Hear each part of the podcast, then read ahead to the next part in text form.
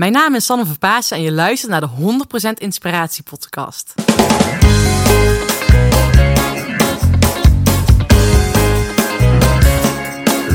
Hey, wat goed dat je luistert. Hij staat weer voor je klaar. Je wekelijkse dosis inspiratie is weer daar. De allerleukste gasten geven al hun kennis prijs. Met je veel te blije host, hij praat je bij. Zijn naam is. Thijs, Thijs,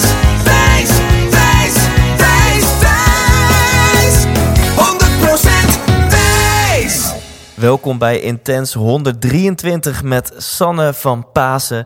En terwijl ik het inspreek, is net de voorverkoop van start gegaan. De voorverkoop van de 100% Inspiratieshow Tour 2019. Dit is een extra tour uh, wegens het succes van de uitverkochte tour in 2018. En ik heb het over voorverkoop, want de echte verkoop die start pas op vrijdag 25 januari. Hoor je dit voor die datum, dan kun je gaan naar thijslindhout.nl en je nog aanmelden voor de voorverkoop. Hoor je dit op of na vrijdag 25 januari, dat kan natuurlijk ook heel goed. Ja, ga dan ook naar thijslindhout.nl. En als je geluk hebt, zijn er nog tickets en dan ben jij erbij. Nou, waar dan? In mei dit jaar uh, kik ik de tour af in Antwerpen. Daarna naar Hendrik Ido Ambach. Dat ligt vlakbij Rotterdam. Valkenswaard, vlakbij Eindhoven. Almelo en tot slot in Houten. Dus woon je in uh, uh, Centraal Nederland, dan uh, zou ik gaan naar Houten. Die ligt dan het dichtst bij.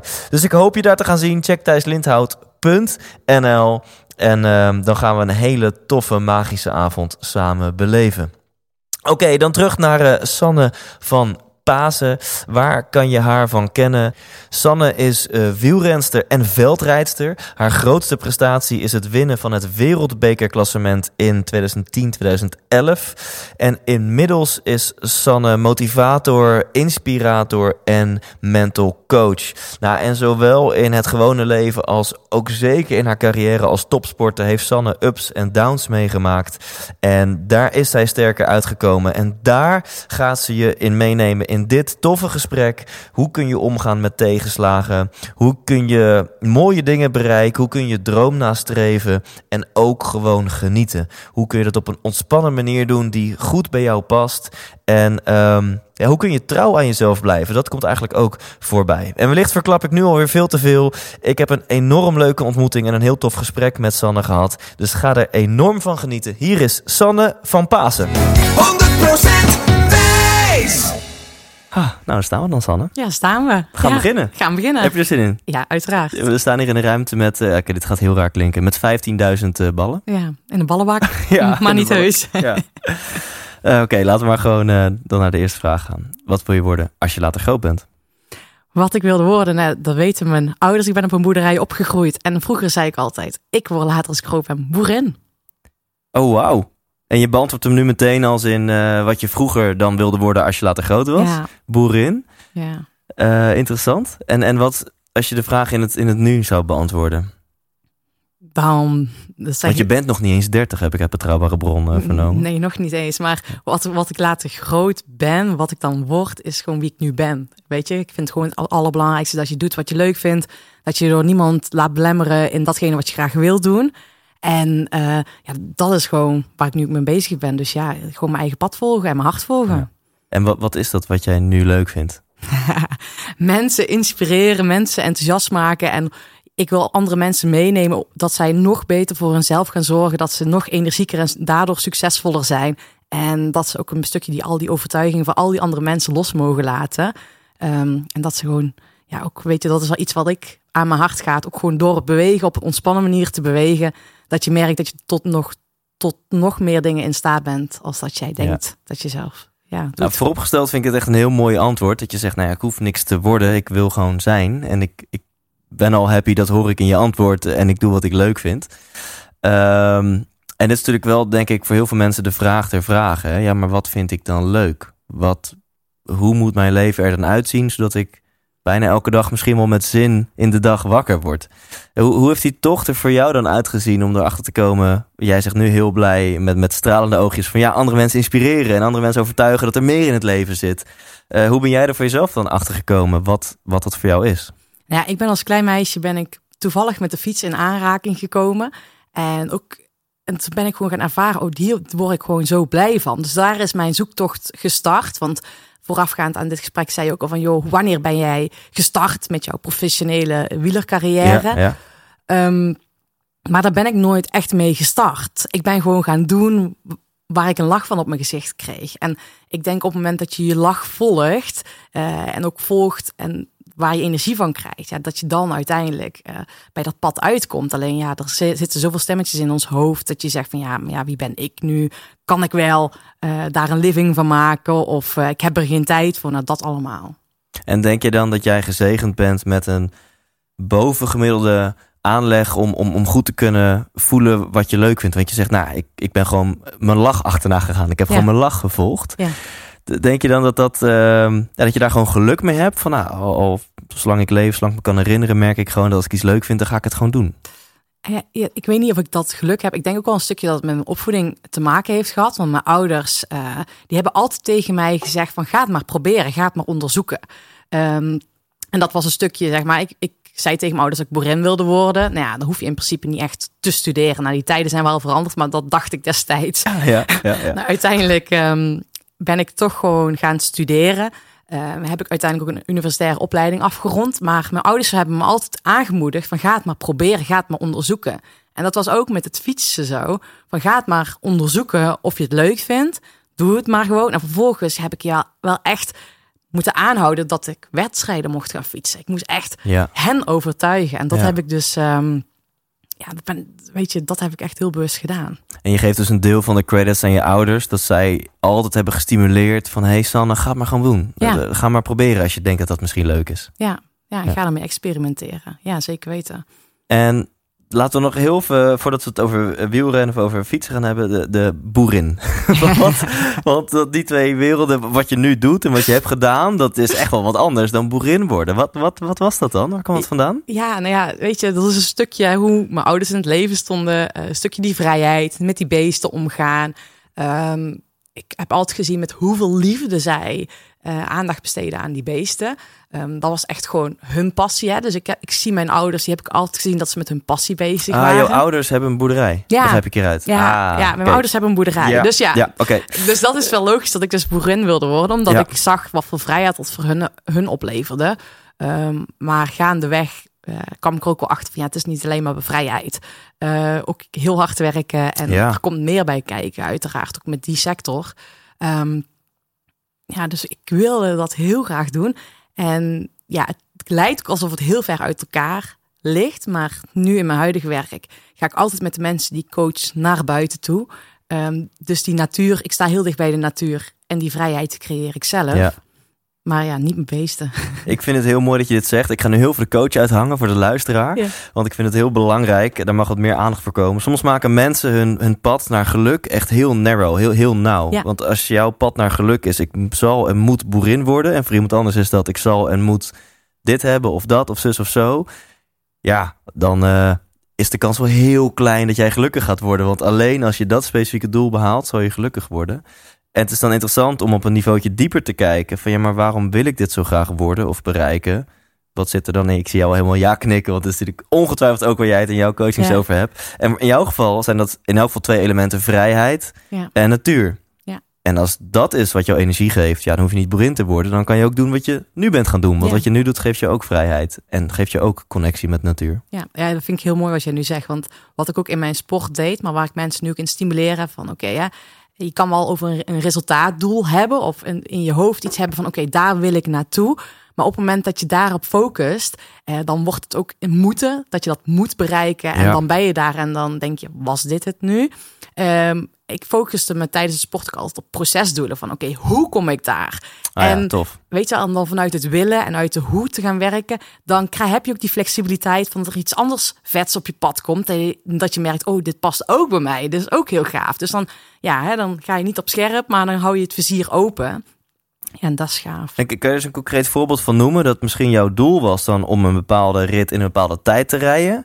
En dan zeg je, maar vervolgens ging ik me dan focussen op hoe ga ik het bereiken. Kun je Ja. eens een concreet voorbeeld van noemen? Nou als eerste stap is, eh, ik heb twee keer mijn eigen team neergezet. En eh, mijn allereerste keer toen ik dat deed, toen had ik zoiets van, oké, weet je, ik wist, ik wil heel graag samenwerken met de mensen waar ik samen mee wilde werken. Dat is gewoon super belangrijk dat je iemand vertrouwt en daar energie in van, van die mensen krijgt. En ik denk, hoe ga ik dat doen? Ik heb geld nodig. En toen heb ik gewoon tegen die sponsoren gezegd, ik word wereldkampioen. En geloofde ik daar toen in? Misschien wel niet. Maar door het juist uit te spreken, uh, ben ik erin gaan geloven. Um, is mijn omgeving er ook in gaan geloven. En hebben we het team eromheen gecreëerd. Dat ik echt die faciliteiten had. Um, en vervolgens ben ik me echt op de hoe gaan focussen. Ik weet, hoe kan ik daar komen? Dus ik ben echt gaan fine-tunen op hele kleine details. In mijn trainingen, in mijn begeleiding, uh, in mijn leefstijl. Um, echt, ja, weet je, ging echt tot aan het zieken toe. Althans, nu kijk ik daarop terug. Weet je, ik had een hoogtetent en mijn vriend sliep er niet eens in. Ja, daar wil je natuurlijk ook niet inslapen natuurlijk. Maar uiteindelijk ben ik geen wereldkampioen geworden, maar heb ik wel het wereldbekerklassement gewonnen. Um, dat was niet het einddoel, maar uiteindelijk wel een hele mooie, ja, heel mooi resultaat. En het heeft me zoveel meer opgeleverd uh, qua bekendheid en qua persoonlijke ontwikkeling. Dus want een, een, een dat is een tent met een laag zuurstofgehalte, waardoor je meer bloedcellen aanmaakt. Ja, inderdaad. Op het moment dat jij als sporter uh, ja, cruciaal dat je uh, optimaal presteert en dat je eigenlijk onder verzuring of op het moment dat je rondom je omslagpunt fietst, in mijn geval, dat je zoveel mogelijk zuurstoftransport hebt door je bloed. Op het moment dat je op hoogte woont, dus boven de 1800 meter, dan maak je meer rode bloedlichaampjes aan. Nou, aangezien wij hier in een vlak land uh, wonen, dan kan je uiteraard uh, de hoogte opzoeken. Maar in de winterperiode, uh, dan is dat lastiger. Vooral midden in het seizoen. Maar ook lastig. Weet je, ik kan niet op 2000 meter gaan trainen, want daar ligt daar gewoon heel veel sneeuw. Ja. Dus dan heb je gewoon een, een tent waar je dan in woont, ja. En, en bizar. En je zegt nu terugkijken, nou, ik ging er wel heel ver in. Uh, hoe ziet zo'n tentje trouwens eruit? Ik ben heel benieuwd, hoe werkt dat? Hoe, hoe creëer je daar een laag zuurstofgehalte? Nee, hoe zo'n tent... Uh, ik had, uh, je hebt verschillende soorten maten, maar ik had een... ja, om mijn matras heen zat een koepeltent als het ware. Ja. waar mijn matras precies in paste. En dat legde ik dan zeg maar in mijn, op mijn bed neer. Dus mijn bed was gewoon en daarbovenheen stond een soort van hemelbed. Wat dan een tent was als het ware. Ah, ja. Maar sluit je daar nog een apparaatje op aan of ja, zo? Ja, ja een soort okay. van compressor. Dus je hoort de hele nacht Wauw. Dus ja, ja, dat is wel... Um... En over welke periode hebben we het nu? Want je, je, dat je dus eigenlijk alles voor, voor de sport, voor het resultaat uh, deed? Dan uh, rond uh, 2010. Ja. Toen was ik echt daar echt op dat fine-tunen bezig. Ja, dus ik zat echt volle bak op die sneltrein als het ware. Ja, en hoe is dat... Uh, want we gaan nu alle kanten op, wat ik super leuk vind. Hoe is dat dan ontstaan van, uh, nou, boerin is misschien toch niet helemaal wil worden. En dat je dan uh, de, bent gaan wielrennen, bent gaan veldrijden. En dat je ontdekte van, hé, hey, dit vind ik leuk. En na een tijdje, je zegt, er was niet een concreet keerpunt. Maar je geeft ook alweer aan van, nou, ik wilde gewoon wereldkampioen worden. Ja. En toen ben ik er alles voor gaan doen. Ja, nou ja, het is eigenlijk, hè, ik had woonde bij mijn ouders. Ik ben gaan studeren, middelbare school. Uh, was ik klaar mee. Nou, tijdens mijn middelbare school, toen bleek dat ik eigenlijk wel ja, iets beter kon studeren. Dat ik ook, uiteindelijk het uh, VWO heb afgerond. En toen dacht ik, oké, nu ga ik reizen. En, uh, want ik had altijd ambitie, ik wilde de wereld zien, de wereld ontdekken. Maar op dat moment kwam er een profteam naar mij toe, destijds DSB Bank, het team van Marianne Vos, kwam naar mij toe en ze zeiden van ja, Sanne, we willen jou een contract aanbieden. toen had ik zoiets van ja, zal ik dat wel doen? En ik werd er toen ook gewoon voor betaald. Nou, het was nog niet zo heel veel, maar ja, weet je, is een leuke bijbaan als student zijnde. En toen heb ik bewust nagedacht, oké, wat wil ik? Ik kan nog naar Australië en Nieuw-Zeeland gaan, maar ja, dat loopt niet weg. Dit contract, weet je, dat is volgend jaar weg. Dus toen heb ik bewust de keuze gemaakt, oké, ik ga voor dat team uh, fietsen. Mm-hmm. Toen ben ik ook uh, gaan studeren en toen nou, vond ik heel erg lastig van, wat wil ik? Toen was ik mijn overtuiging, weet je, het gaat er niet om wat voor studie ik doe. Ja, of ik moet nu weten dat ik dokter wil worden. Maar dat, wist ik, dat wist ik niet. En dacht, als ik dat nu niet weet, dan uh, weet ik dat dan ook niet. Dus ben ik uiteindelijk een studie gaan doen. Waar ik ook heel erg mooi kon fietsen. En heb ik ook echt bewust gekeken naar een kleine universiteit. Zodat ik heel makkelijk kon schakelen met mijn docenten. Dus ik dacht, ik moet niet naar een grote universiteit gaan. Want daar kan ik nooit iets regelen met mijn sport. En ik zit veel in het buitenland. Dus uiteindelijk heb ik daarom voor Wageningen gekozen. En daar heb ik zes jaar gestudeerd uiteindelijk voor een vijfjarige opleiding. Dus nou, toen heb ik eigenlijk wel heel bewust die keuze gemaakt van ik ga voor het fietsen. Ja. Maar ja, in dat traject ernaartoe, joh, ik heb echt uh, als uh, 18-jarig meisje heb ik ook al een contract ontbonden met een team, omdat ik het, ja, ja, dat ik merkte dat ik beperkt werd in mijn ontwikkeling als renster. Dus ik heb mij een contract laten ontbinden. Ik had een tweejarig contract. En ik had zoiets van, ja, weet je, ik wil mijn eigen pad wandelen. En uh, mijn ploegleider destijds zag mij als wielrenster en niet als persoon. En ik studeerde op dat moment. Ik was 17 toen ik op kamers woonde. Um, ja, ik moest overal met openbaar vervoer heen. En als je dan een ploegleider hebt van die opbelt, Sanne, je moet morgen naar een etappekoers van 10 dagen. En ik dan vertel, ja, maar ik heb tentamens. Ja, maakt niet uit, je moet toch gaan. Nou, dan toen schoot ik wel totaal in de stress. Ja, en toen heb je de, dappere keuze gemaakt van oké, dan laat dit contract ontbinden. Waardoor je dus eigenlijk ook een hele grote kans aan de kant zette. Ja, ja, klopt. Um, maar ik had ondertussen wel door dat het belangrijkste is dat ik goed naar mijn lichaam luister. Um, dus dat ik naar mijn gevoel blijf luisteren. Want ik merkte van ja, als ik iets moet van een ander, dan ga ik niet goed presteren. En als topsporter, maar ik denk gewoon ieder mens überhaupt. Uh, super belangrijk dat, dat hij of zij dicht bij hunzelf blijven. Ja. Waardoor, um, ja, waardoor je echt energiek blijft. Ja. En mij was dat team was echt een uh, blok aan mijn been. En waar haalde je op zo'n jonge leeftijd al die wijsheid vandaan? Van ik, ik ga naar mijn lichaam luisteren. Ja, dat is, dat is wel een, um, een hele goede vraag. Maar ik denk achteraf gezien, weet je, ik was uh, heel veel alleen op dat moment. Ondanks dat ik vrij druk aanwezig ben. Ik was 17 toen ik op kamers ging. Ik ging helemaal voor mezelf zorgen. Ik woonde wel in een studentenhuis. Maar ik trok ook mezelf heel veel terug. En um, door op de fiets ook gewoon lekker te trainen, maar ook um, die tijd voor mezelf te nemen, dat ik die inzichten kreeg. En daardoor uiteindelijk ook die keuzes heb kunnen maken. Ja, en dat zit in jou om heel erg die tijd voor jezelf te nemen en goed te voelen voordat je een keuze maakt. Ja, dat heb ik nodig om uiteindelijk die batterij op te laden. Ja. ja. En uh, take it from there. Wat is er daarna gebeurd? Want je bent uh, volle bak doorgegaan met je doel. Um, kan je eens wat vertellen over dat pad? Ja, ik ben uh, volle bak doorgegaan. Um, uiteindelijk uh, ervaren dat op het moment dat je onderdeel bent van een groot team, dan word je gefaciliteerd. Dat is erg fijn. Maar dat je ook uh, dingen moet doen die niet bij je passen. Uh, dus heb ik destijds besloten om mijn eigen team neer te zetten. Met dat heldere doel waar we het net over hadden. Van ik wil wereldkampioen worden. En bij mijn pad zo gaan uitstippelen.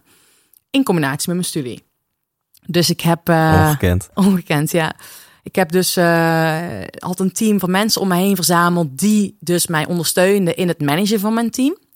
Uh, dus daar was ik al echt heel erg blij, omdat ik echt gewoon mijn eigen team had, ook mijn eigen sponsoren, die gewoon ja, echt enorm veel geld betaalden om alles te doen wat ik wilde doen. Heel veel geld. Ja, nee, ja, ja. daar ben ik nog steeds die mensen Tof. enorm dankbaar voor. Um, dus ik ben. Uh, je ging het Sanne-stijl doen? Ja, ik ging het echt op Sanne-stijl doen. En uh, het heeft me echt zoveel gebracht. En uiteindelijk ook in combinatie met mijn studie heeft het uiteindelijk in geresulteerd dat ik dus uh, op het moment dat ik mijn masterdiploma behaalde, ook het wereldbekerklassement veldrijden kon winnen. En ik weet, weet dat nog goed, als de dag van gisteren, ik stond aan het leiding in dat klassement. Ja. En uh, ik had nog twee wedstrijden te gaan. En het was voor mij belangrijk dat ik twee keer top vijf zou rijden. Ja, dat zou wel realistisch zijn. En dan zou je hem in de pocket hebben? Dan zou ik hem in mijn pocket hebben. Ja. Maar ik merkte ook, omdat ik zo gefocust was en ik wilde gewoon zo graag presteren. Weet je, mijn gezondheid ging ook gewoon achteruit. Omdat je, je bent zo op het scherp van snede aan het trainen. En op dat moment uh, had ik ook het gevoel van als ik een training miste, dan was ik bang dat het ten koste ging van mijn conditie. Er zit elke keer een stemmetje in je hoofd. Niet alleen tijdens de wedstrijden om te winnen, maar iedere dag weer wil je winnen. En um, toen was ik dus, mijn gezondheid was gewoon laag. Ik, ik had last van mijn longen. Ik had al een prednisonkuur gehad. Um, veel verschillende medicaties voor mijn long, longen gehad. Maar ja, ik had nog twee wereldbekers. En toen zei mijn sponsor tegen mij van Sanne, jij gaat hem gewoon winnen. Weet je wat? Je hoeft die lange reis naar Frankrijk, waar de één na laatste wedstrijd was, hoef jij niet uh, met, de, uh, met de camper te doen. Kom maar naar het vliegveld om um, 11 uur. En dan kan je om half twee inrijden op het parcours. En ik was echt aan het tellen. 11 uur en dan kan ik om half in, twee inrijden op het parcours. Dat kan gewoon nooit. Ik denk, ja, weet je wel, normaal, douane en alles. Ja. Sanne, vertrouwen maar. Kom maar naar dat pand toe. Uh, niet naar de reguliere ingang, maar naar dat pand. Oké, okay, is goed. Dus daar stond mijn sponsor gewoon klaar met een privévliegtuig. En we werden gewoon fucking gewoon hup, naar Frankrijk gevlogen. Om nog goed te kunnen presteren tijdens die wedstrijd. Dus ik was echt zo. Alleen dat al gaf me zo'n kick. Ehm, nou, uiteindelijk die wedstrijd super gereden. En volgens mij werd ik daar vierde. Ehm, en hoefde ik alleen nog maar de laatste wedstrijd in hoge rijden bij de top 5 te eindigen. Dus het was zo gaaf, weet je, dat dan die mensen zoveel vertrouwen in je hebben. Ja. eh, en zien ja, dat, waar je mee bezig bent. En ik zag aan mezelf ook, en als ik nu nog foto's eh, terugkijk, ja, ik was gewoon echt uitgemergeld. Nou, uiteindelijk in hoogrijden won ik dus ook eh, het wereldbekerklassement. Dus ja, dat was heel gaaf. En dan merk je hoe belangrijk een team om je heen is. Dat iemand zo erg in jou vertrouwt en jou helpt door een privéjet aan je te schenken. Of in elk geval voor dat ene ritje. Ja. Dat gaf jou weer gewoon die positieve mindset en die extra energie en vertrouwen van Ja. yes. Ja, dat gaf me echt vertrouwen. En ehm, het gaat om die details. Nee, dit Ja. is misschien geen detail met een privéjet. Ehm, maar ja, het, weet je wel, het is net die extra boost die je op dat moment echt nodig hebt. Ehm, ja, en het is gewoon bizar dat je op de terugweg je paspoort vergeet. En dat ze zeggen, loop maar gewoon door. Dan denk je, denkt, oké, kan gewoon. Ja, wauw. Dus mensen, als je je droom wil verwezenlijken, boek een privéjet. en het komt allemaal goed. Of zorg ervoor dat die voor jou geboekt Ja, ja, wordt. ja, dat is nog beter. Dan ben je echt een eindbaas. En daarna had je dus nog één rit, Hongarije, zei je. En als je daar vijfde werd of, of beter, dan had je hem in de pocket. En dat was ook de laatste rit van het klassement. Ja, dat was het laatste rit van het eh, klassement. Maar dat lijkt me wel voor scary. Weet je, je weet dat die druk lijkt me immens groot. Nee, aan de andere kant weet je gewoon hoe je hebt gereden. Je weet gewoon als je gewoon doet wat je moet doen en als je gefocust bent op je proces, dat het goed gaat. En ehm, dat is natuurlijk wel de valkuil, maar op dat moment, nou, ik ben daar heel erg getraind, in, maar op dat moment was ik daar heel erg bewust mee bezig. Hoe kan ik voor de juiste mindset, de juiste flow op de fiets bezig zijn? En ehm, dus ik wist heel erg goed waar ik me op moest focussen. Ehm, en zodat ik zeg maar in die flow bleef en kon komen. En dat voor mij is het allerbelangrijkste. ehm, dat ik me focus zeg maar, op het genieten, op die ontspanning. En ja, dat is echt cruciaal voor, voor, voor mij. En ook een enorm waardevol inzicht geweest. Is, weet je, onder stress, dan ben jij compleet gefocust op je natuurlijke aandachtsstijl. En dan vergeet je de buitenwereld. Ja. Dat kan bij iedereen anders zijn. Sommigen zijn intern georiënteerd, anderen extern. Nou, Ik ben heel erg extern gericht. Dus ik zou altijd al mijn fans zien. Weet je, mijn ouders hoorde ik altijd waar ze stonden. Ik wist waar iedereen stond. Maar een valkuil kan dan zijn ehm, dat ik die spanning in mijn lichaam te verkrampt ben. Dus ik Ja. vergat mijn lichamelijke spanning. Je, je zegt onder stress heeft iedereen, ga je naar je natuurlijke aandachtsstijl. Ja. Volgens mij zeg je dan heel veel met heel weinig woorden. Kan je die eens toelichten? Ja, iedereen heeft van nature een bepaalde manier waar ze hun aandacht op richten. En dat kan dus intern zijn of extern zijn, eh, of breed of smal. Ehm, nou, kijk, dat is als het ware. Ik ben pas uit het vliegtuig gesprongen omdat ik een eh, training gaf aan defensie. En ik wilde zelf ervaren wat gebeurt er onder die spanning. En op het moment dat je uit je vliegtuig springt, eh dat is acute stress. Dus dan kom je een aantal seconden in je reptiele brein Ja. terecht. Ehm, wat ik deed, op het moment dat ik eruit sprong, ik scande heel de omgeving. Ik leek net een uil. Dat je denkt, hoe krijg je dat voor elkaar? Maar omdat ik mijn aandachtstijl is extern en breed, ehm, zie je dat meteen dat dat van toepassing is. Dus ik weet waar ik onder stress op gefocust ben, is op de buitenwereld en dan nog heel erg breed. Ja. Dus mijn taak was destijds uit het vliegtuig moest ik eh, werd er op mijn rug geklopt door mijn tandemmaster en ik moest mijn handen breed doen. Maar dat voelde ik niet eens omdat ik dus echt zo in die stresssituatie zat. Nou, en dat gebeurt ook tijdens het sporten. Weet je, je vindt op een gegeven moment eh, ben je uit je flow en ben je te gespannen, waardoor jouw aandacht op iets is gericht wat totaal niet handig is. Ehm, dus ik ben me echt gaan trainen tijdens het sporten om me naar mijn lichaam, naar mijn ontspanning in mijn schouders, in mijn handen te gaan focussen en op mijn ademhaling. Iets heel smal intern, Ja, waardoor ik meer in die flow kwam. wauw. Dus om dit te gaan trainen, niet zozeer nog een keer die, die squats of nog een keer eh, harder eh, je beenspieren trainen, maar door dit mentale stuk te trainen van hey, onder stress, focus op ontspanning in je schouders, focus op ademhaling, dat heeft jou misschien nog wel meer opgeleverd. Ja, ik ben er sterker nog eh, van overtuigd dat je eh, de grootste sportieve winst mentaal boekt.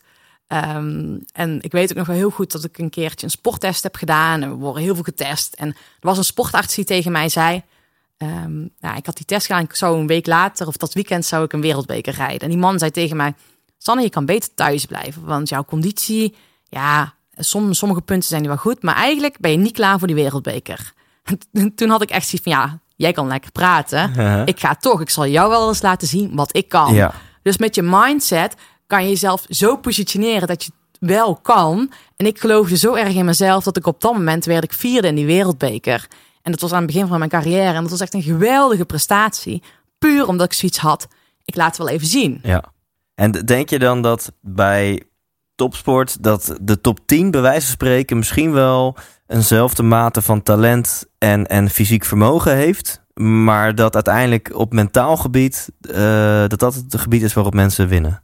Ja, en niet alleen binnen de sport, ook in het ondernemerschap. Dat is uiteindelijk uh, ja, echt cruciaal. Weet je, ook een stukje vertrouwen in jezelf. Je kan wel talent hebben, maar als je er niks mee doet of op de verkeerde manier inzet, ja, dan gaat het niet goed komen. En jij werd uh, mentaal, volgens mij, om een bruggetje te leggen, heel hard getest toen je ineens een blessure kreeg. Ja, ja dat was denk ik ook omdat ik mentaal zo sterk was en mezelf um, nog niet besefte hoe belangrijk het is om die rust te nemen. Mm -hmm. um, en dat, dat is ook mede, denk ik, door mijn opvoeding van, joh, weet je wel, als ik vroeger op de bank zat, dan zeiden mijn ouders tegen mij, joh, achter in de stal is nog genoeg te werken. En ik heb vroeger heel veel thuis meegewerkt Oh ja. en een stukje rust deden wij nooit. En daar heb ik tijdens mijn sportcarrière gewoon het fysiek rusten, Ja, deed ik niet. dus jij hebt geleerd van huis uit van er is altijd nog werk. Van waarom ga je op de bank hangen? Er is altijd nog werk te doen. Ja, je moet Ja. hard werken om iets te bereiken, niet lullen maar poetsen, Ja, gewoon doorgaan. ja. Ehm, en de vuile was moet je ook niet buiten hangen, dus ook, eh, je kan maar beter de schone schijn ophouden. ja. En nou, dat heeft er uiteindelijk voor gezorgd dat ik als sporter, ik wilde me iedere training wilde ik me bewijzen. Nou, ik deed dus ook zeg maar even tussendoor mijn studie. Ehm, dus mijn ontspanning was mijn studie. Dus ik zat dan volle bak te studeren. Nou, dat is ook niet echt ontspanning natuurlijk. Nee, nee. Maar dat was mijn balans. En die was ver te zoeken. Dus daardoor ben ik uiteindelijk geblesseerd geraakt. En eh, wat, wat mensen zijn heel nieuwsgierig. Wat voor blessure en waar kwam dat uiteindelijk door? Nou ja, waar het uiteindelijk door kwam, ehm dat was ook een hele zoektocht geweest. Weet je, Ehm, een blessure en ik denk fysieke klachten bij heel veel mensen, dat sluipt erin. Weet je, je hebt last van je schouder en je blijft maar doorgaan. Nou, ik had last van mijn benen, Ja, maar ja, ik heb die koers, dus eh, ik moet toch. En omdat ik mentaal zo sterk was, kon ik die pijn ook uitschakelen. ja. En kon ik ermee door blijven fietsen. Maar Ja. ik merkte dat echt op het scherp van de snede dat ik niet meer datgene kon wat ik graag wilde. Dus ehm, op een gegeven moment besefte ik me als ik de twee trappen thuis opliep naar zolder, dat ik gewoon bovenaan de trap stond uit te puffen. En ik dacht, oh, mijn benen die doen zeer. Wow. Ja, zo hard liep ik de trap natuurlijk ook niet op. en ook dat ik naar mijn een vriendinnetje van mij fietste van Vlieden naar Deurne. Nou, dat is drie kilometer. En dat ik op de gewone fiets al dacht, mijn benen doen pijn. En toen ben ik aan de bel gaan trekken en denk, ja, dit is gewoon echt niet goed. Nou ja, en destijds zat ik, eh ehm, ja, wij gingen met mijn begeleiding overleggen en heel de medische molen in- ingegaan. En ehm, toen ben ik ook gaan beseffen van, joh, iedere specialist die praatte voor hun eigen parochie. En ik vond het pas ook wel leuk, ik heb die eh, podcast gehoord met de chirurg die, die jij eh, Ah, hebt ja. gemaakt. Leuk. Het ging ook wel een paar eye-openers voor mij open. Dat ik dacht van ja, ik dacht, hoe kunnen die mensen nu zeggen van ja, de ene specialist wilde maar mijn liefslagader opereren. Links, maar ik had rechts ook klachten. En die man zei, dit is het. Dus ik wil je graag opereren. En toen zei ik, ja, maar ik heb rechts dezelfde klachten. Waarom zou je mij links gaan opereren? Ja, het zijn natuurlijk niet zomaar operaties. Ehm, ja, en ook kiestes in mijn knieën. Ehm, ze wilden ook nog mijn... eh, ja, ik heb een syndroom van Loge in mijn bovenbenen. Mhm. Een syndroom van Loge is het Hulk-syndroom. Dus eh, op het moment dat je eh, jezelf gaat inspannen, dan komt er extra bloed door je vaten, waardoor je spieren uitzetten. En doordat die spieren gaan uitzetten, eh, worden ze afgekneld omdat mijn, ja, het jasje om mijn spieren te strak zit. Dat komt bij heel veel motorsporters voor hun eh, armen of, ja, of bij hardlopers in hun kuiten. Mhm. Maar het was zeldzaam in, in de bovenbenen. Dus allerlei specialisten wilden van alles bij mij gaan doen. En toen ehm, had ik een keer een gesprek met een vriendinnetje van mij. Zij is huisarts. En zij vertelde over een patiënt van haar. En toen zei ze eigenlijk letterlijk... ja, ik kan iemand gewoon niet helpen. Ik heb haar naar alle specialisten gestuurd. Maar het zit tussen haar oren. En toen werd ik echt heel boos op haar. Ja, snap ik. Want tegen mij werd ook gezegd: Sanne, misschien zit het wel tussen je oren. Misschien kan jij die pijn wel niet meer aan. Je hebt zoveel, ja, zoveel in die verzuring gefietst. Misschien lukt dat jou niet meer. En toen ben ik, ehm, ja, ik werd heel boos tegen haar, maar, of op haar. Maar toen zijn we samen nog het gesprek aangegaan. En toen zei ze: Ja, maar Sanne, als je doet wat je altijd deed, krijg je wat je altijd kreeg. Soms moet je dingen veranderen. En toen dacht ik ook van, dat is het hem. Bij mij gingen mijn kwartjes vallen van, ja, ik wilde gewoon, ik had een bepaalde lifestyle, een bepaalde verwachting van mezelf. En de lat die lag bij mij gruwelijk hoog, dat ik iedere training wilde ik volle bak knallen. Ook al was het maar een training en het gaat om die wedstrijden.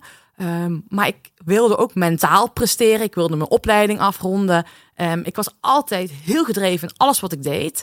Um, ik zei misschien wel op te veel dingen ja. Die verwachting van al die andere mensen. Dus ik, ik was gewoon eigenlijk was geblesseerd, maar ik bleef net zo doorrennen. En ik zat vooral in die verkramping en in die frustratie van, joh, waarom heb ik dit? En toen viel het kwartje van, joh, Sanne, misschien moet je die verwachting bijstellen. En uh, misschien moet je gewoon je levensstijl gaan aanpassen. Want hoe jij het tot nu toe hebt gedaan, heeft heel veel succes opgeleverd. Maar dat werkt niet voor de langere termijn. Ja. Dus daar is dat knopje omgegaan. Dus je had een waanzinnige formule voor korte termijn succes. Ja. Je hebt die fucking wereldbeker gewonnen, hè? dus dat is, uh, dat is gelukt. Ja. Um, maar je had, de, de formule was, was misschien niet de succesformule voor langetermijn succes. Want je pleegde roofbouw op je lichaam. Absoluut, ja. En dat kwartje is, is toen gevallen. Hoe, wat ben je toen anders gaan doen?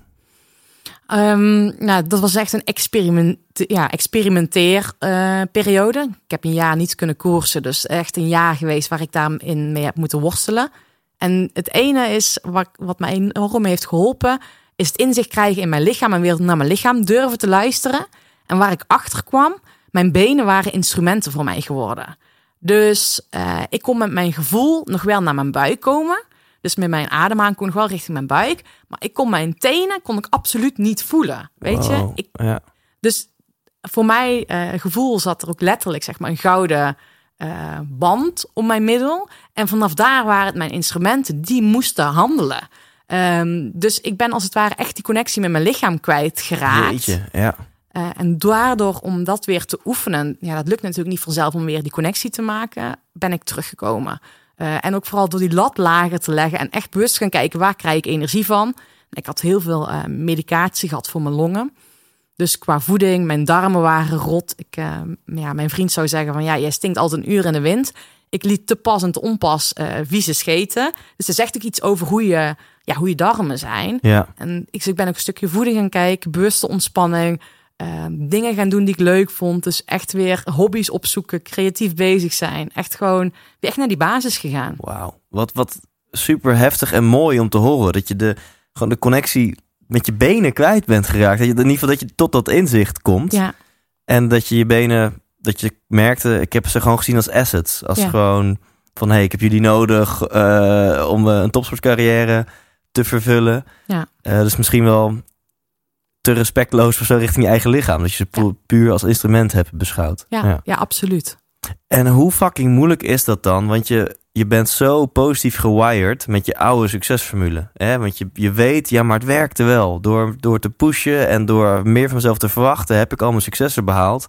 Dus hoe fucking moeilijk is het dan om dan een nieuwe strategie te gaan aanleren waarin je meer gaat loslaten. En terwijl je eigenlijk elke seconde van de dag die je hebt, wil je waarschijnlijk gaan trainen of wat dan ook. En dan ineens, ja, Sanna, ga nu maar iets leuks doen. Ja. Ho hoe is dat? Ja, het was op het begin echt zo van, ja, maar wat ga ik überhaupt voor leuke dingen doen? Uh, alles stond in een teken van presteren, beter worden. Um, dus hij heeft echt wel een uh, worsteling geweest. En ik kan ook wel zeggen, ja, achteraf zeg ik zelf dat ik een fysieke burn-out heb gehad. Uh, ik heb ook echt periodes gehad. Ik dacht, weet je, lag ik in bed en uh, ja, bleef ik liefst in bed liggen. Ik was ook voor mijn omgeving geen leuk mens. Mhm. Mm -hmm. En dat ben ik uiteindelijk ook gaan beseffen. Het stukje mentale. Uh, je weet, op het moment dat je fysiek veel van je vraagt, dan ben je mentaal ook enorm prikkelbaar. Ja. Herken ik nu nog steeds aan mezelf. En daardoor ben ik destijds veel meer gaan inschatten. Oké, okay, als ik getraind heb, hoe voel ik me nu? Kan ik morgen weer gaan trainen? En dat ik iedere ochtend intune van, oké, hoe voel ik me? En naar mijn lichaam durf te luisteren. Dus als je ochtends uh, aan jezelf voelt van, oh, ik voel me eigenlijk niet zo lekker vandaag. Dan besloot ik meteen om eh, dat ik niet ging trainen of aangepast ging trainen. En in het verleden, dan bleef ik de hele dag ook nog twijfelen. Zal ik wel gaan trainen, zal ik niet gaan trainen?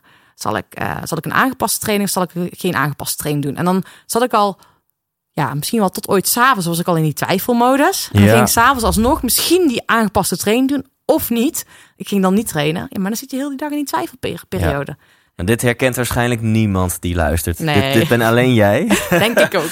ja, dat je of, zo, of het nou door de week of het weekend is van ja, ga ik nou chillen of ga ik dingen doen? En, eh, en omdat je dan geen keuze maakt, de hele dag bungel je er tussenin. Dus je bent niet echt volle bak aan het genieten van ontspannen. Nee. Maar je bent ook niet aan het knallen en, en iets aan het bereiken. En aan het einde van de dag heb je niks gedaan en eh, is de voldoening ver te zoeken. Ja.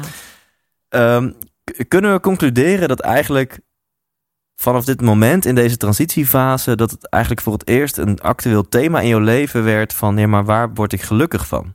En dat je daarvoor, dus even een hypothese, ik ben benieuwd naar jou, dat je daarvoor misschien leefde met, ja, maar alles gaat om het resultaat. En dat je nu ineens een transitie maakte van, oh, wacht eventjes, ik mag ook gewoon genieten van mijn leven. Nee, ik werd een stuk milder voor mezelf. Ja. Dus ehm, ik, dat is echt een transitieperiode geweest, die periode. Eh, en vooral ook dat ik heb ervaren dat je kan die duimschroeven al te hard aandraaien. En voor mijn gevoel achteraf gezien heb ik altijd had ik dat rugnummer opgespeld. Eh, als, hè, je bent als fietser, speld je die rugnummer op voor een wedstrijd. Ja. Maar figuurlijk had ik die altijd om. Dus ik was altijd bezig met die wedstrijd tegen mezelf. Ja. En ik zeg altijd, die wedstrijd tegen jezelf, die win je nooit. Ehm, en vanaf toen ben ik eh, meer gaan voelen van waar heb ik behoefte aan en waar word ik beter van. En dan in breedste zin van het woord. Ja, en, en zie je dat dan... ehm, ja, laat zeggen, is mijn hypothese juist? Of, of heb je daar nog wat... Ik ben dus benieuwd van, hè, was je, is er een verschil eigenlijk, laat ik zo zeggen, tussen je geluksniveau, zeg maar, voor die transitiefase en, en daarna? Ben je meer gaan genieten en gelukkiger geworden? Of kan ook dat je zegt, nee, ik had een heel duidelijk doel. Dat was ook een heel overzichtelijk leven. Daar werd ik net zo gelukkig van als de periode daarna. Ja, ik denk dat, dat ik eh, van beide periodes heel gelukkig ben geworden. Eh, behalve dat ik echt enorm in de ja, down was voor mezelf die periode. Maar daarvoor was ik ook heel gelukkig omdat ik, ik deed gewoon wat ik het liefste deed. En ik dacht op het moment dat dat voor mij het beste was. Alleen ik heb dat nodig gehad om te zijn waar ik nu ben. Ja. Dus dat heeft me ook heel veel gebracht. Dus ik zou niet zeggen dat ik toen niet ongelukkig of dat ik ongelukkig was. Ja, wel die periode dat ik gewoon. Ja, als, je, als je gewoon niet kan doen wat je het liefste doet. En als het dan ook nog je beroep is. Ja, Ja, jongen, dat is echt. eh, ja. Ja. En, en als je daar nu op terugkijkt, ben je dan. eh, hoe kijk je er nu op terug? Want ik kan me voorstellen dat je nu wel dankbaar bent, omdat je daar misschien hebt geleerd om meer te genieten, Ja. meer in het hier en nu te zijn, meer te doen waar je behoefte aan hebt, wat je meer te doen om elke dag gewoon plezier te hebben. Ehm, hoe kijk je er nu op terug? ja, ik ben, ben heel dankbaar voor die periode. Want als ik ook zie, eh zoals in mijn huidige werk en mensen die ik mag begeleiden, eh, vaak zie ik ook dat ze met zulke issues worstelen. Ehm, en ik heb daardoor dus echt door die periode ook echt geleerd, weet je wel, juist die rust, die ontspanning, die is cruciaal. En die mag je jezelf ook gunnen, want daar word je uiteindelijk ook beter van. En ook vanuit, hè, ik moest toen heel veel van mezelf. Even het wereldbekerklassement winnen en een universitaire opleiding afronden. Ja, dat is niet de, de, de beste drive. Als je dit al in één zin zegt, hè, besef je hoe bizar dat is. Ja, ja, Even de beste ter wereld ergens in worden ja. en, eh, en een master afronden. Ja. ja, op dat moment besefte ik dat het dus echt niet. Ik heb twee keer mijn diploma's bij de administratie opgehaald. En mijn zusje die had de diploma op uitreiking van de master. En toen kwam ik er pas achter dat het eigenlijk wel fucking speciaal is met zo'n ceremonie en alles. Dat ik dacht, dit heb ik gewoon door mijn neus geboord, Sanne. Ja, ik kwam gewoon even langs. Yo, ik ben Sanne, een papiertje ophalen. Oké, ik kom weer verder. Ja, toen was ik wel verbaasd dat ze bij de administratie mij aankeken van... dat ik zei, ja, ik kom mijn diploma ophalen. En dat ze me zeiden, wat kom je ophalen? Ja, prachtig. En ik, die blik weet ik nog steeds. En ik dacht, waarom kijk je zo raar? Ja. Ja, nu, ja, toen... En een beetje snel graag, want... eh, Ik moet nog door. Ik, Ik heb nog weer meer te doen vandaag. hey, en ehm, ik had een intelligente vraag. Wat wou ik vragen? Ehm, oh ja, ja, waar we het in het begin van het interview over hadden, dat je, je, je doel is niet je doel. Je doel is een middel. Hè? Dus eh, boerin worden is geen doel, dat is een middel om een ander doel te realiseren, namelijk een leuk leven leiden, gelukkig zijn. Dat geldt natuurlijk ook voor fietsen, hoe moeilijk dat voor jou ook was om te realiseren. Fietsen was ook weer een van de vele middelen die jij kan eh, beoefenen om geluk, plezier, voldoening, zingeving te ervaren in je leven. En je zegt net heel mooi, ja, ik was wel even down toen. Fucking begrijpelijk, want hetgene wat en je beroep was en wat je fucking leuk vond, dat kon even niet. Maar ben je toen, ja, is het je toen gelukt om, om uit andere dingen eenzelfde soort voldoening en geluk te halen? Ja, ik ben toen heel erg gaan focussen op. Ik ben altijd heel creatief geweest. Ehm, had ik daar destijds ook meer tijd voor. Dus ik ben echt heel veel gaan koken en gaan bakken. En ik ging mijn recepten online ook delen.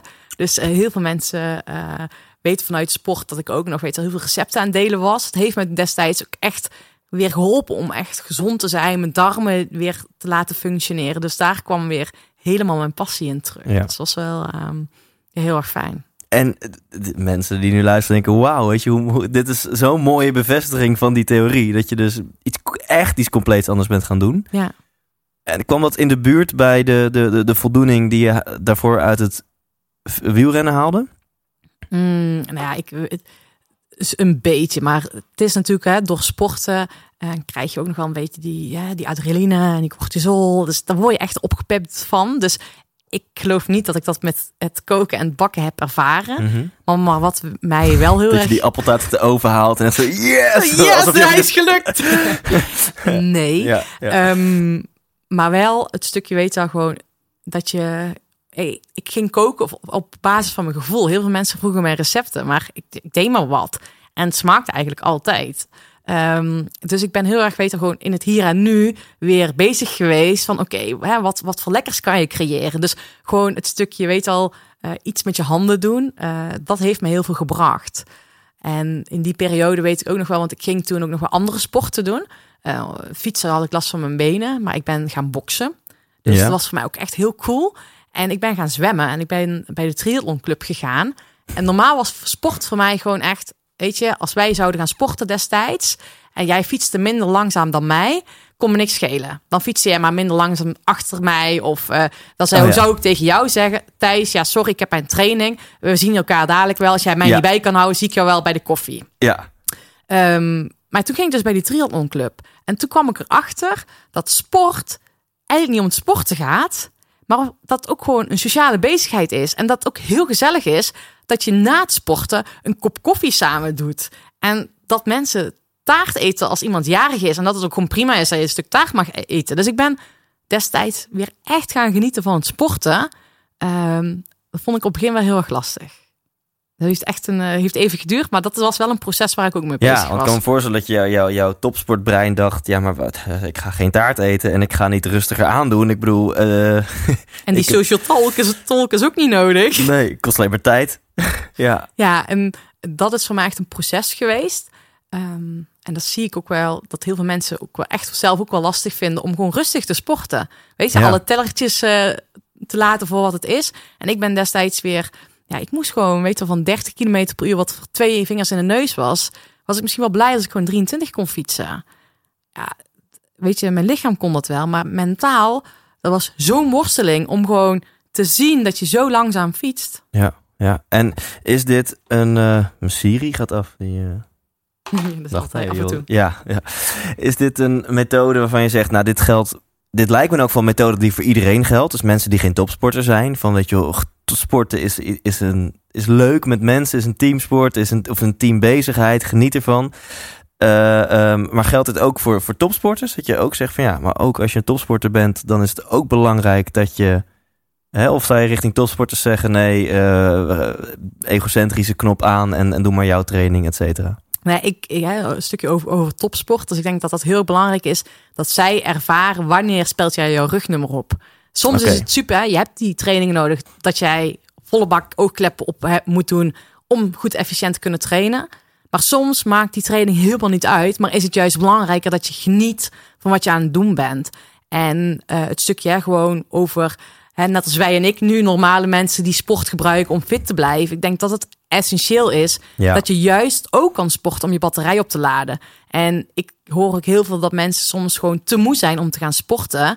En dat merk ik zelf ook af en toe. Maar ik heb juist mezelf geleerd om op een ontspannen manier te sporten. Ja. En misschien ga ik nog wel net zo hard als eerst. Maar door met een andere intentie te Ja. sporten, een andere focus, dat ik echt mijn batterij door het sporten zo op kan opladen. Ja, je moet het ook natuurlijk leuk gaan vinden. Anders no way dat je het vol gaat houden om twee, drie of meer keer per week te gaan sporten als je het niet leuk vindt. Denk ik. Of dan ben je wel heel erg jarenlang je mindset aan het trainen om zo structureel iets in je leven te doen wat je niet leuk vindt. Ja, maar ik denk dat dat serieuze kan.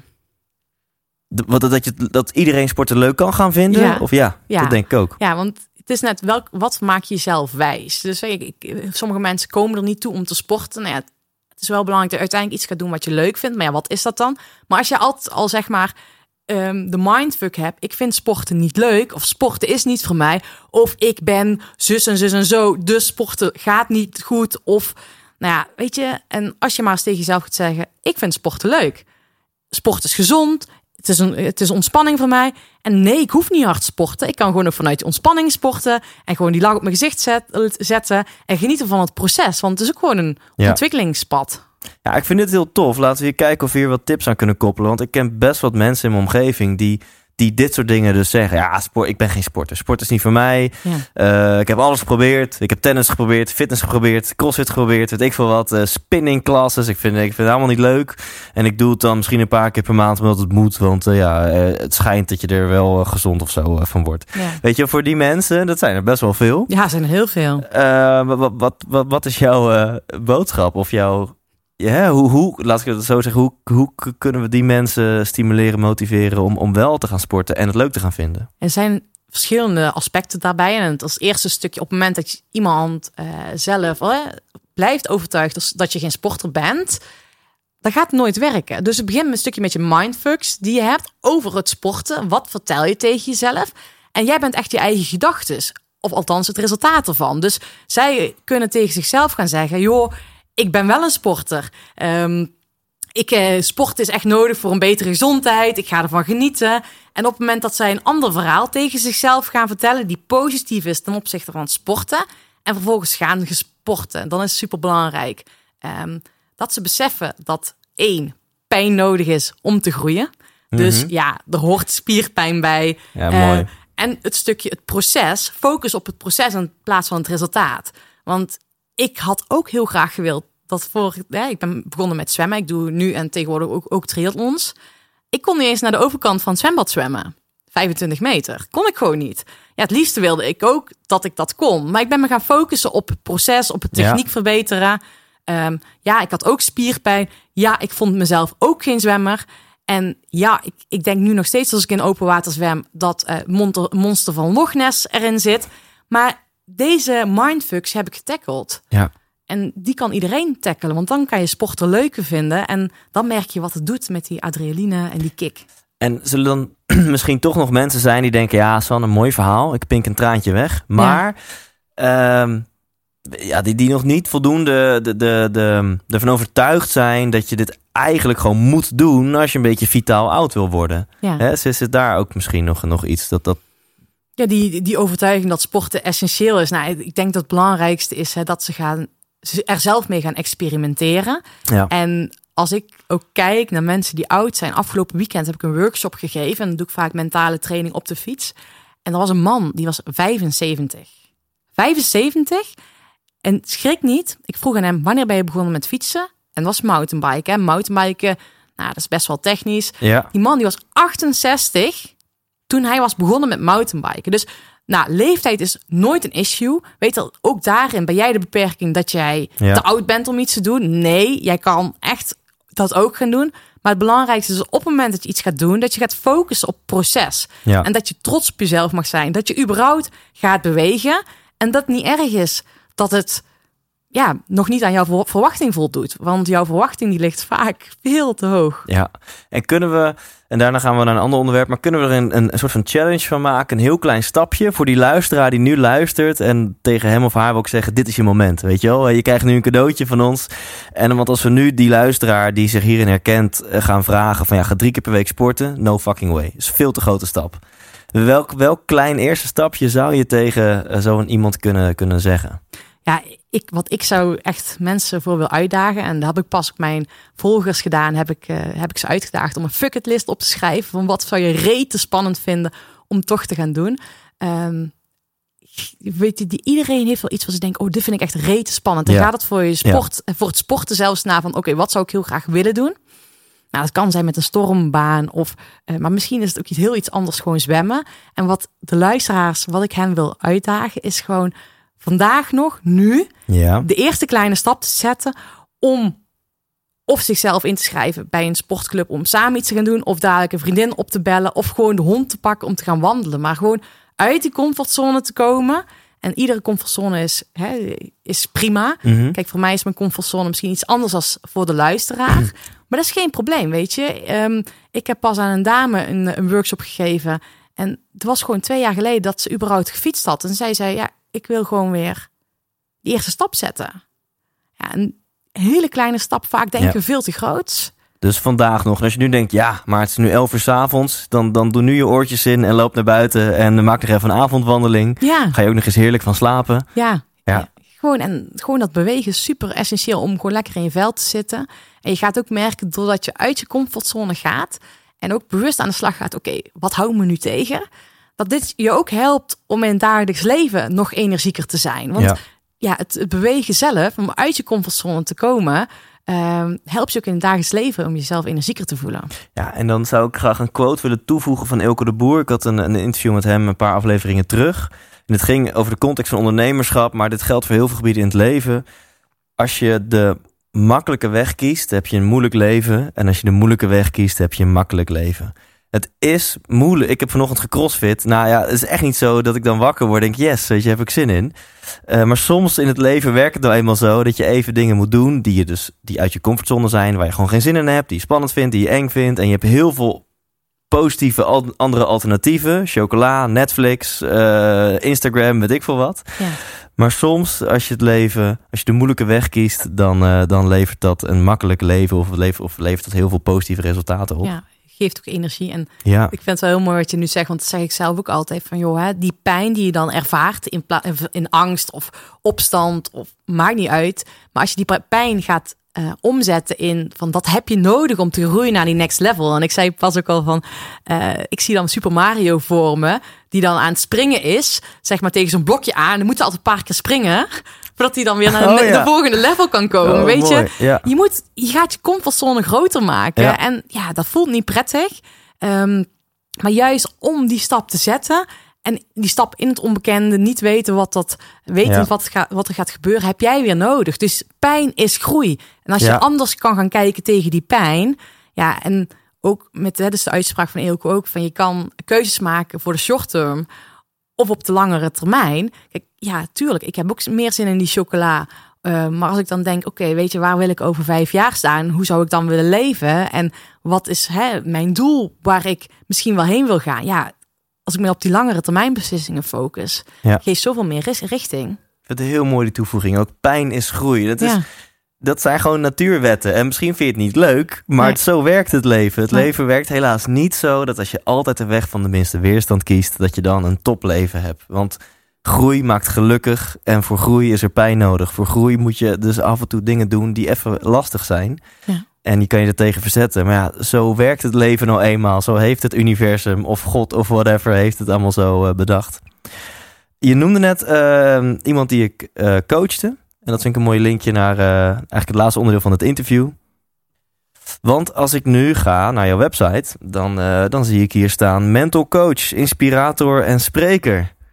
Wil je Ja. daar eens wat over vertellen? Want dat is inmiddels wat jij doet en waar jij eh, heel veel energie uithaalt. En wat volgens mij gewoon op dit moment in elk geval jouw missie en passie is. ja, Dat was jouw enthousiaste antwoord een uurtje geleden van andere mensen inspireren. ja. Wil je daar eens wat over vertellen? Nou ja, ik ben, eh, het was eigenlijk letterlijk de woorden toen ik stopte met mijn professionele carrière als eh wielrenster. Had ik zoiets van, ja, weet je, ik wil ambitieuze professionals helpen naar die next level. Eh, en dat is precies wat ik nu doe. Eh, en dat doe ik door mensen eh, in beweging te krijgen, echt letterlijk. Want op het moment dat ik een coachgesprek heb, doe ik dat buiten. Of op de fiets, of wandelend, of hardlopend. Ehm, omdat ik echt ervan overtuigd ben, eh, natuur, eh, bewegen, daardoor kom je echt in beweging. Ehm, ja, en alleen, ja, dat doe ik niet alleen mensen fysiek één op één, maar dat doe ik ook online. Dus ik help mensen echt mee, zeg maar, om echt in die beweging te komen. En pas ook heb ik een eh, challenge georganiseerd. En dat vind ik echt super leuk om mensen dus uit die comfortzone te laten komen. Ehm, en door iets extreems te doen, en dat, ja, dat doe ik ook in mijn coaching, weet je, laat ik mensen uit die comfortzone Ja. komen. Eh, en dan laat ik ook hen ervaren, oké, van oké, dit voel je nu of ervaar je nu. En dan een concreet voorbeeld, bijvoorbeeld, ehm, als ik een workshop geef op de fiets, kan het zijn dat je een blinddoek opgezet krijgt. Ehm, en ik, ja, ja, bij veel mensen doet, doet dat alarmbellen rinkelen. Maar uiteindelijk is het mijn intentie dat mensen gaan ervaren: oké, ik voel nu die alarmbellen opkomen in mijn lichaam. Dat ze dat ook in het dagelijks leven gaan herkennen. Want wat wij doen in het dagelijks leven, we zitten op een sneltreinvaart. Eh, we willen aan die verwachtingen van al die andere mensen doen. Eh, we hebben de druk, gezin. eh, we willen ook nog zelf fit zijn. carrière die misschien wel vanzelf is gegaan, maar dat je op een bepaald moment komt van: is dit het wel? Nou ja, en ik zie heel veel mensen dat ze vage fysieke klachten hebben. Ehm, en ja, en ik help hen weer om te laten te gaan voelen van joh, oké, hoe kan je weer voor die balans zorgen? En wat wil jij nu echt en wat heb jij nodig om weer vol energie te zitten? Ja, tof. En ehm, ik wil hier zo meteen meer over weten, over de inhoud van jou, ja, van hoe je de mensen helpt en, en, en wat- voor tips je mensen geeft en zo. Eh, maar hoe is dit voor jou ontstaan? Want van wielrennen naar eh, koken, daar tips over geven. En volgens mij hebben we een chapter overgeslagen, ben je daarna weer eh, gaan wielrennen. Maar uiteindelijk is dit nu wat je, wat je doet sinds, nou, ik denk 2016 ben je echt Ja. gestopt met je carrière als topsporter, toch? Ja, ja, ja. Wa- Was dat meteen voor jou duidelijk? Van nou, dan ga ik nu andere mensen helpen, want het heeft zoveel indruk op mij gemaakt dat ik door mijn mindset andere resultaten ben gaan behalen. Nou, die intentie had ik meteen, maar ik had op dat- moment, ehm, ik stopte en ik was eigenlijk vrij interessant voor de arbeidsmarkt. En ik had verschillende eh, Oh ja. mogelijkheden om te gaan werken bij grote bedrijven. En toen ben ik daar ook echt volle bak ingesprongen. Ehm Want die master is in. eh, een commerciële master, management en economics heb ik gedaan in eh, Wageningen. Ehm, maar toen ben ik dus gaan werken bij Shimano. Dat is een bedrijf in de fietsonderdelen Ja. als brandmanager in de marketing. Ehm, alleen in mijn achterhoofd, ik had eigenlijk al letterlijk tegen mijn vriend gezegd: ja, ik ga dit doen wat ik nu doe.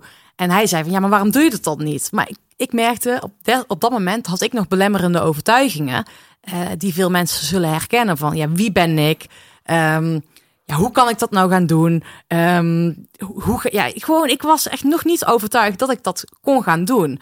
En ik had ook nog de mindfuck van, joh, ja, ik wil ambitieuze professionals eh, gaan coachen. Maar ja, hoe weet ik nou waar hun tegenaan lopen als ik alleen maar ja. Ja. mijn sport heb beoefend? Ja. Dus dat was voor mij echt een reden om het bedrijfsleven in te stappen. Om te weten wat is het om van acht tot vijf te werken Ja. eh, met een team, eh, met andere mensen, binnen een cultuur van een organisatie. Wat doet dat met men? Ehm, dus vervolgens heb ik die stap gemaakt en heb ik nog een tijdje als headhunter gewerkt. ehm, om vervolgens volle bak voor mijn eigen onderneming te gaan. Als mensen dit horen, denken ze, nou ja, Sanne zal wel 43 zijn. Maar je, bent- je bent 29. Dat is bizar wat je natuurlijk allemaal al hebt gedaan. Ja, Welke klopt. ervaring je hebt. Ja, Ehm, en dan, kom je, dan krijg je er gratis een tweede baan bij. Want je kan wel zeggen, ik ga nu mijn hart volgen en ik ga mensen coachen. Maar dan krijg je er gratis een tweede baan bij. En dat heet ondernemen. ja, Weet je wel, je moet wel je klanten zien te werven. Ja. Je moet ineens marketing gaan doen. Je moet boekhouding gaan doen. Je moet een website bouwen. Je moet eh, aan, aan je zichtbaarheid en aan je branding gaan werken. Ja. Ehm, kon je er heel makkelijk inrollen? Dat je, dat je al eh, ja, een groot netwerk had en mensen wel graag door jou gecoacht wilden worden voor astronomische bedragen? Of eh, hoe is dat gegaan? Nou, eigenlijk heb ik me altijd al meer ondernemer gevoeld als coach. Ehm, omdat ik eh, vanuit mijn topsport heb ik zeg maar twee keer mijn eigen team om me heen gebouwd. En heb ik altijd die bedrijven aan me weten te binden. En eh, vond ik dat, dat spelletje vind ik echt super leuk. En Ja. ook, hoe ga je daarmee om? En dat vond ik, dat ging eigenlijk vanzelf. Ehm, nou ja, weet je al, uiteindelijk is het ook vervolgens een plan ontwikkelen. Oké, hoe ga je ervoor zorgen dat mensen astronomische bedragen aan mij gaan betalen? ja. en dat is ook, vind ik enorm leuk om te doen. Waar we het net al even over hadden, hoeveel ik heb moeten overmaken aan jou om je hier in de podcast eh, te krijgen. Hard to get speelt ze mensen. ja, ja, ja, ja. Nee, ehm, en wa- wa- wat voor mensen coach je? Wat, want je doet volgens mij en lezingen en coaching. Dus je Ja. doet één op één, één op groep. Ehm, wa- wa- wat, wa- wat is je doelgroep, eigenlijk mijn vraag. hè? Maar wat voor mensen met Ze- wat voor problemen? zijn ambitieuze professionals. En dat kunnen een, enerzijds eh, werknemers zijn, in een baan zitten, maar die wel die had, lat hoog hebben liggen, ambitieus zijn. Eh, en die merken ook, hè, die hebben, mensen hebben wel iets met sport of bewegen die bij mij komen. Het kan zijn dat ze meer willen gaan bewegen of... eh, maar de bewegen zit er wel in. En dan aan de andere kant ook ondernemers. En dan kijk ik, hè, mijn motto is het normale leven, dat is pas topsport. Ehm, en dan kijk ik echt ook met de ondernemers van oké, hoe kan jij nog beter voor jezelf zorgen? En dat doe ik ook bij ambitieuze professionals. Hoe zorg je nog beter voor jezelf, zodat jij nog succesvoller bent in je leven, in je carrière, in je ondernemerschap uh, of in je gezin, weet je? En ik zie gewoon dat heel veel mensen niet zo goed voor zichzelf zorgen. En ik heb zelf ook ervaren van, joh, mijn topsportleven, dat was nog vrij easy. Maar ik vind het normale leven, vond ik eigenlijk pas, ja, echt enorm zwaar. Weet je, dat, was echt, uh, dan krijg je in één keer zoveel meer verplichtingen naar je toe gegooid. En eerst had ik een goed excuus. En waar moet je over het algemeen, want jij krijgt dus ambitieuze mensen in jouw praktijk, om het zo te noemen, die, worden, die, die willen jou gecoacht worden.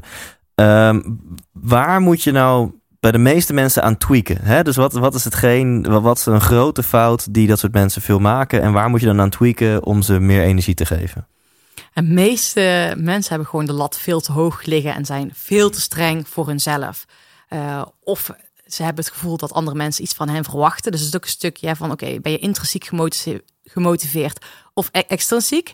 Uh, maar ook een stukje zelf je verwachtingspatroon bijleggen, uh, naar beneden bijstellen. En dat kan al zijn. Ik had nog een heel mooi voorbeeld uh, van een dame en uh, zij is super ambitieus, net moeder geworden, veel slapeloze nachten. En zij wilde ook nog dat ze een perfect huishouden had. Ze wilde de leukste moeder zijn, carrière. En ja, ze werd ook iedere nacht wakker. Um, en zij is gewoon haar mindset gaan veranderen. Um, en is liever tegen haarzelf gaan praten. Die verwachting had ze naar beneden bijgesteld. Uh, en waardoor ze met een andere intentie tegen haar kinderen, op haar kinderen reageerde. En het bleek ook dat haar kinderen daardoor beter doorsliepen. Ja. En dat zij ook nog meer uitgerust wakker werd. Nou, ja, nou je, je kan natuurlijk ook wel bedenken wat voor invloed dat heeft op haar carrière en de rest allemaal. En ik ben heel nieuwsgierig om dit dus aan te passen. Merk je dan dat je over het algemeen bij mensen heel diep moet gaan? Dus dat je echt gaat naar de oorzaak van, hé, maar waar komt het bij jou vandaan dat je zo erkennings- en prestatiegericht bent? Of merk je dat je soms ook gewoon op de oppervlakte gewoon aan wat, wat dingen kan tweaken en dat het dan ook al verandert? Ja, het is echt afhankelijk met wat voor traject en met wat voor personen. Ik zie vaak dat ik eerst op de oppervlakte aan de slag ga, zodat mensen ook die positieve ervaringen ja. hebben. Um, en bij sommige mensen, en vooral als we één op één aan de slag gaan, dan is het juist ook wel heel belangrijk dat we de diepte ingaan. En waar komt dit vandaan? Ja, en uiteindelijk zeg maar is het eerste korte termijn. En tweede hebben we nodig om op de langere termijn resultaten te boeken en te blijven boeken. En dat is ook het verschil tussen de trajecten die ik aanbied, zeg maar. Ja. Um, binnenkort heb ik de Mindset Bootcamp Masterclass. En dan gaan we eigenlijk op de oppervlakte aan de slag. En vervolgens kunnen we één op één, ga ik met mensen echt de diepte in. Oké, waar, waar komt dat nu vandaan? En uh, dat zijn echt zulke mooie sessies. Ja, ik vind het wel heel cool. Ik ben hier wel enthousiast over. Want je zou bij wijze van spreken tijdens een intakegesprek al meteen kunnen gaan naar hoe was de relatie met je ouders. En, en dat je super diep gaat en met de nodige tranen en emoties dat. Wat wellicht ook een goede methode is. Maar jij zegt van eerst gaan we vaak op de oppervlakte tweaken. Zodat je snel ook succesjes bereikt. En merkt van hé, hey, voor de een is dat zet je wekker op een ander tijdstip. Voor de ander is dat laat dat doel even varen. Voor de ander is dat doe even dat ene gesprek met die persoon. Want dit en dat. Ja dus je gaat op de oppervlakte tweaken, wat op de lange termijn echt nog geen waanzinnige effecten heeft, maar op de korte termijn, hey, dit werkt. Ja. En dan als mensen meerdere sessies bij jou afnemen dan een tijdje, ga je wel naar dieper. En ja. dan. En mensen willen het ook een stukje, hè, het gevoel euforie en het werkt en ja, ik, ik, zie resultaat. Um, ondanks dat ik mensen stimuleer om dat resultaat los te laten en te gefocust zijn op het proces, hebben we wel soms dat gevoel nog, hey, het gaat goed. Ja. En vaak helpt één succesmomentje al bij het volgende succesmomentje. Want het zorgt dat je in die positieve energie zit. Ja. En op het moment dat je lekker in je vel zit, heb je het gevoel dat alles vanzelf gaat. En als je in die negatieve flow zit, ja, weet je, de wet van Murphy. Het is belangrijk dat je die gaat doorbreken. Ja, ja ik denk dat dat echt heel lastig is. Wat als je eventjes niet in de positieve flow zit? En dat kan door tig oorzaken komen. Ja. Uh, maar het kan iedereen overkomen. En wat, wat, wat is, ja, uh, hoe ga jij aan de slag met iemand die eventjes niet in de positieve flow zit? En dat, dat, dat eerste succesmomentje gaan we creëren. Um, maar het belangrijkste is dat iemand gaat ervaren en voelen van oké, okay, oeh, ik kom nu in die negatieve flow. Oké, okay, alleen dat dat herkennen al. Ja. Dat helpt vaak mensen al een stukje bewust worden van oké. Okay, en als ze dan daarmee aan de slag gaan, dan gaat het vaak met een trein omhoog. Um, maar de uitdaging blijft van, uh, joh, ik ga laag in energie. Uh, mijn energieniveau gaat omlaag. Oké, okay, ik ga nu actie ondernemen. En ik had gisteravond zelf nog. Uh, ik had een, ik ik, ik was te gast bij Eurosport als co-commentator. En ik kwam thuis en ik was eigenlijk nog helemaal euforisch. Hè, want dat doet zoiets. Hè, dan denk je helemaal vol adrenaline. Net zoiets als sport. Hè, een, een lezing geven of in ieder geval als co-commentator aan de slag gaan. En ik kwam thuis en uh, we waren even bij vrienden geweest. En ik was bij die vrienden. Ik zei, ik ga naar huis. Ik ben echt helemaal gaar. En ik ben op, op de bank gaan liggen. En dus, ja, het was zeven uur. Ik lag op de bank en ben om acht uur in bed gegaan. En ik was gewoon helemaal knock-out. Maar op dat moment was ik niet in de frustratie. Ik wilde nog eigenlijk van alles doen. Maar het stukje herkennen en dan actie ondernemen. En vaak het herkennen is al gewoon stap één. Ja, ja. En wat je nu buiten beschouwing laat, is dat je natuurlijk super zenuwachtig was voor deze opname. En dat je dacht, ik moet even op tijd in ja. bed, goed slapen. Ja, daarom, weet je. Ik moest natuurlijk hier, hier stralen. En ik moest hier natuurlijk energiek zijn, want anders... Uh... Precies. Nee, heel flauw. Maar uh, ik, ik begrijp wat je zegt. Dus dan, dan op zo'n moment uh, een keuze maken, ook weer vanuit die connectie met je lichaam en daar oké mee zijn. Ja. En wat je dus zegt, of wat ik je hoor zeggen, is dat bij de meeste van jouw ambitieuze klanten uh, merk je van hey, die hebben gewoon een enorme prestatiedrang. Waar denk je dat dat vandaan komt? Die prestatiedrang. Ja, dat is toch. Dat, is toch dat, dat we die lat zo hoog leggen voor ons.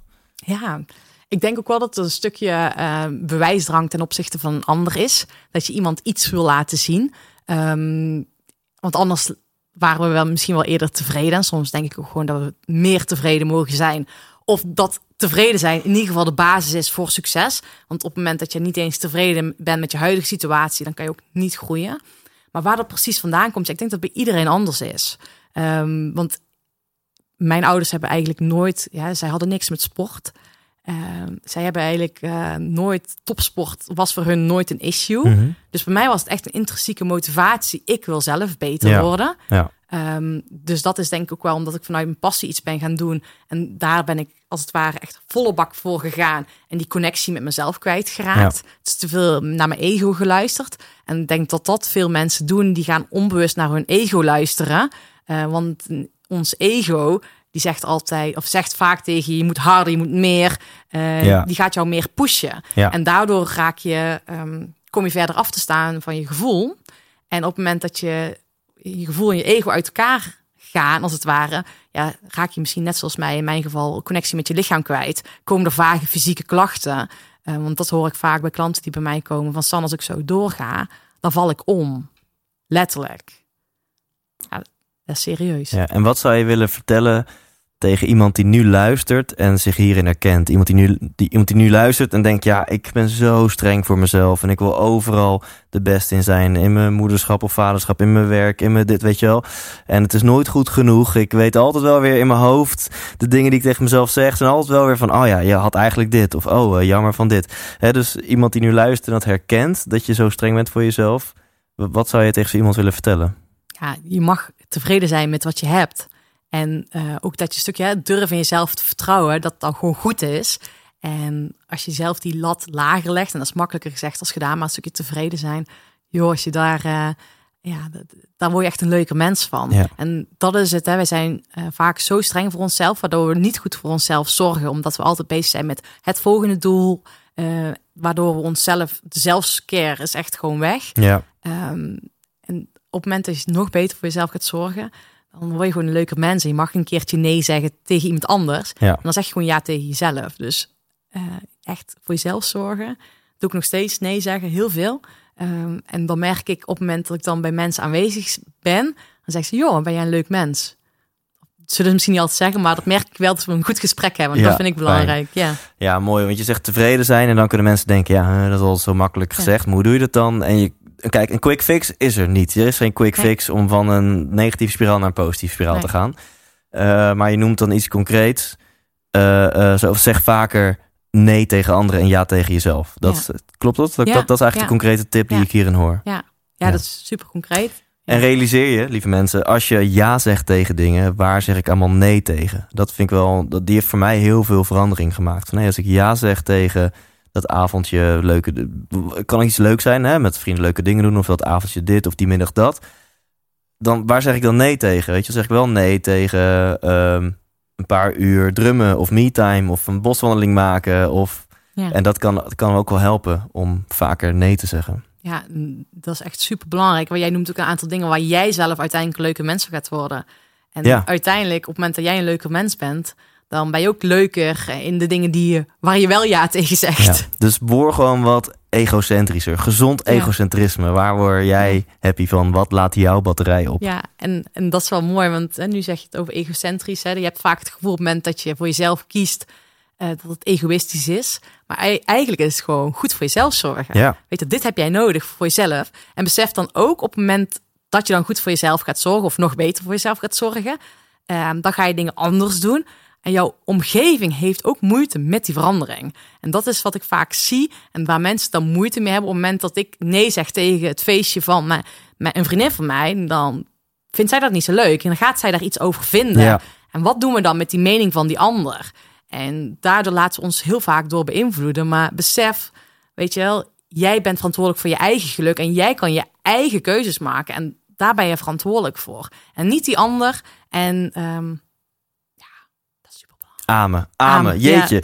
Laten we gaan afronden. Ehm, en mensen, ik zou zeggen, spoel afgelopen twee minuten nog eens een keer terug en luister dat nog een keer, want je zei hele, hele waardevolle dingen. Eh, en het is fucked up hoeveel waarde we hechten aan anderen. Is ook logisch. Ons sociale brein heeft aangeleerd. Hè, we leefden vroeger in, in, in, in groepen, in tribes, hoe zeg je dat? Dus we hadden elkaar nodig. Dus je, je bent gewoon geprogrammeerd om heel veel waarde te hechten aan de mening van anderen. Ja. Ehm, dus je kan het onmogelijk niet doen. Maar als je te veel doet, houdt het je gewoon heel erg tegen. En dan is die vriend of vriendin maar even teleurgesteld dat je niet die verjaardag bent. Ja. Toch? Ja. Maar liever dat dan dat je zelf omvalt. Ja, zo is dat. Dan maar een keer één op één kop koffie drinken is ook prima, toch? Ja, dat, dat zijn altijd andere oplossingen. Ik ga je onder spot zetten als het mag. Ja, Sanne, kijk me de, angst in de ogen. Er komen een aantal tegenstellingen aan. En eh, je mag lekker eh, connected zijn met je lichaam, inclusief je benen. En vanuit, eh, precies, vanuit je intuïtie, vanuit je gut feeling mag je antwoord geven. Klaar? Ik Ja? ben er klaar voor. Kom maar op. Ochtend of nacht? Ochtend. Bestuurder of passagier? Bestuurder. En je hebt, je hebt geen auto? Ja, ik heb wel een auto. Oh, wel een maar- auto? Oh, maar ja, maar sowieso eh, neem ik liefst, eh, loop ik altijd voorop. Ja, oké, cool, cool. Ferrari of Tesla? Een Tesla. Poetin of Trump? Allebei niet, mag dat? Nee.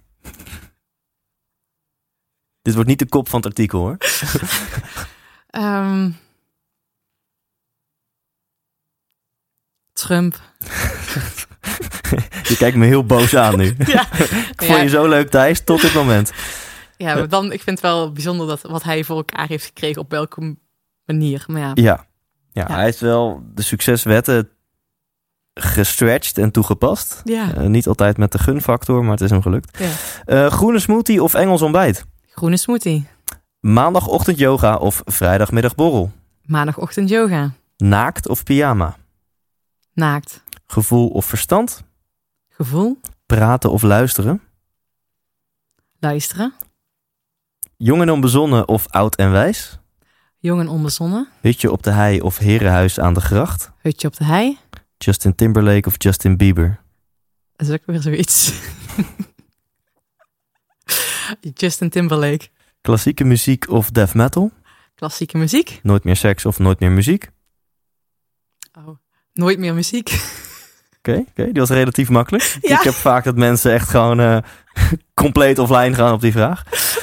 Ehm, jij was even, even intunen van, nou, dan maar nooit meer muziek. Nee, maar ik, ik, ik- muziek, ik, weet je, ik ben echt sommige dingen, heb ik zo'n passie voor en dat volg ik helemaal. Sommige dingen, muziek, ja, ik luister muziek en dan moet ik natuurlijk niet tegen jou zeggen. Nee, dit is wel eh, tricky. Maar verder. Maar als ik dan, ik weet, ik weet niet eens welke artiest het is, welk nummer Oh, ja. het is. Ik dans uit de maat. Ehm, zingen moet je mij al absoluut niet horen doen. En ik heb vroeger bij een drum- drumband gezeten. Ah, oké. oké, oké. maar ja, volgens mij waren ze blij dat ik wegging. En ik weet het ervaring, om goede drummer te zijn, hoef je helemaal niet muzikaal te zijn. Oh, is het eh, dat zo? Ja, is echt. Maar ja, toch waren ze blij dat ik niet, eh, Ja, oké. dat is, eh, van, dat ik afscheid nam. dat is prima. Jij hebt andere talenten, zeiden ze. Ja.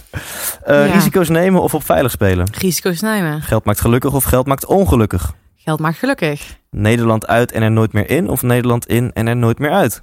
Ehm, Nederland uit en nooit meer in.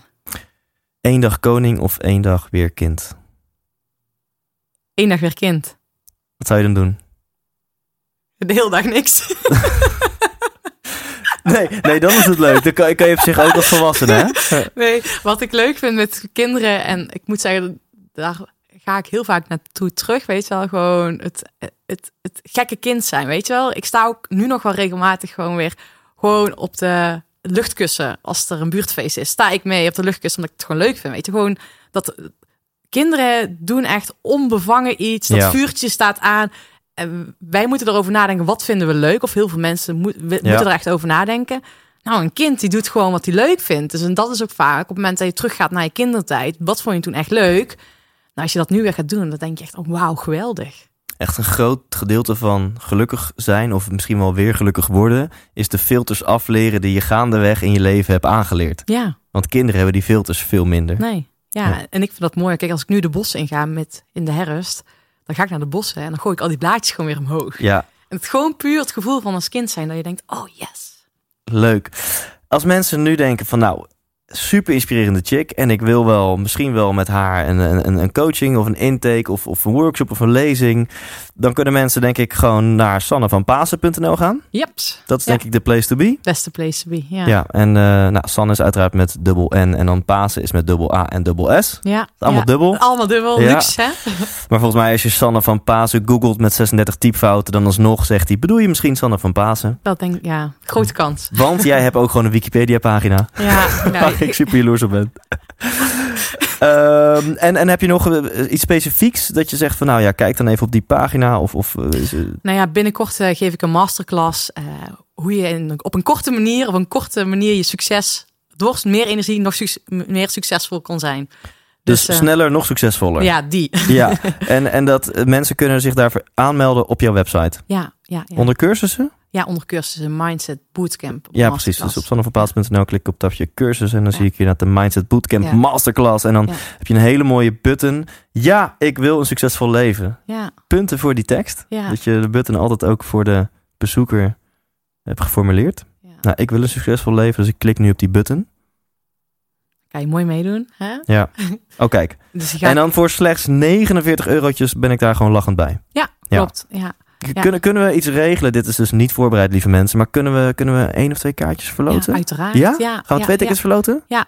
Cool. ja. Goed, bij deze afgesproken. Eh, dus eh, ga behalve naar sannevanpasen.nl ook gewoon naar thijslindhout.nl slash sanne. En dan maken we daar een coole winactie aan. En dan kunnen mensen twee tickets winnen. En die, die eh, masterclass, dus Mindset Bootcamp Masterclass, die is op... Op dinsdag 30 oktober om 8 uur. En die kan je gewoon van online thuis inloggen. En vervolgens ontvang je nog een maand lang.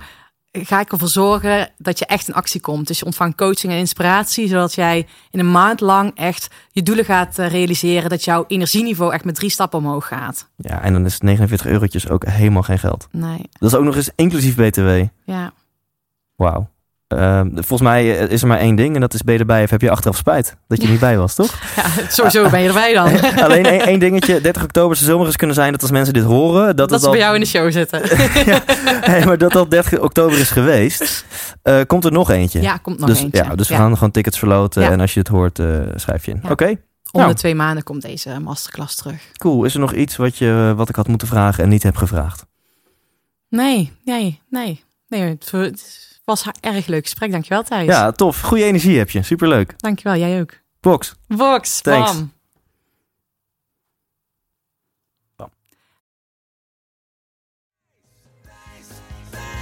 Thijs, Thijs, 100% Thijs. Thanks, thanks, thanks, thanks, thanks. Dit was Intens 123 met Sanne van Pasen. Smaakt dit naar meer? Check dan sannevanpasen.nl. Pasen is met dubbel A en dubbel S. Sannevanpasen.nl. Daar vind je alles over haar coaching, over eh, seminars, over workshops die ze doet. Dus eh, check vooral die website als Sanne jou eh, afgelopen uur heeft geraakt. Ja, en als je dan toch achter je laptop zit of achter je telefoon, check dan ook thijslindhout.nl. Want de kaartverkoop die is in volle gang. Uh, met trots kan ik wel zeggen dat in de eerste drie uur van de voorverkoop al meer dan 150 tickets zijn besteld. Dus het gaat waanzinnig hard. Als je dit dus hoort en je wil er sowieso bij zijn, check de website thijslindhout.nl. En dan zie ik je wellicht in, wat is het, uh, Antwerpen, in Hendrik Ido Ambacht, in Valkenswaard, in Almelo of in Houten in mei dit jaar. Hopelijk tot dan en anders tot volgende week. Dan staat een heel tof interview klaar met Wouter de Jong, auteur van het boek Mind Gym, een giga bestseller. Wat zijn nou de beste tips om fit te zijn in je geest en een positieve mindset te hebben? Daar ga je volgende week achter komen in deze podcast. En onthoud, leef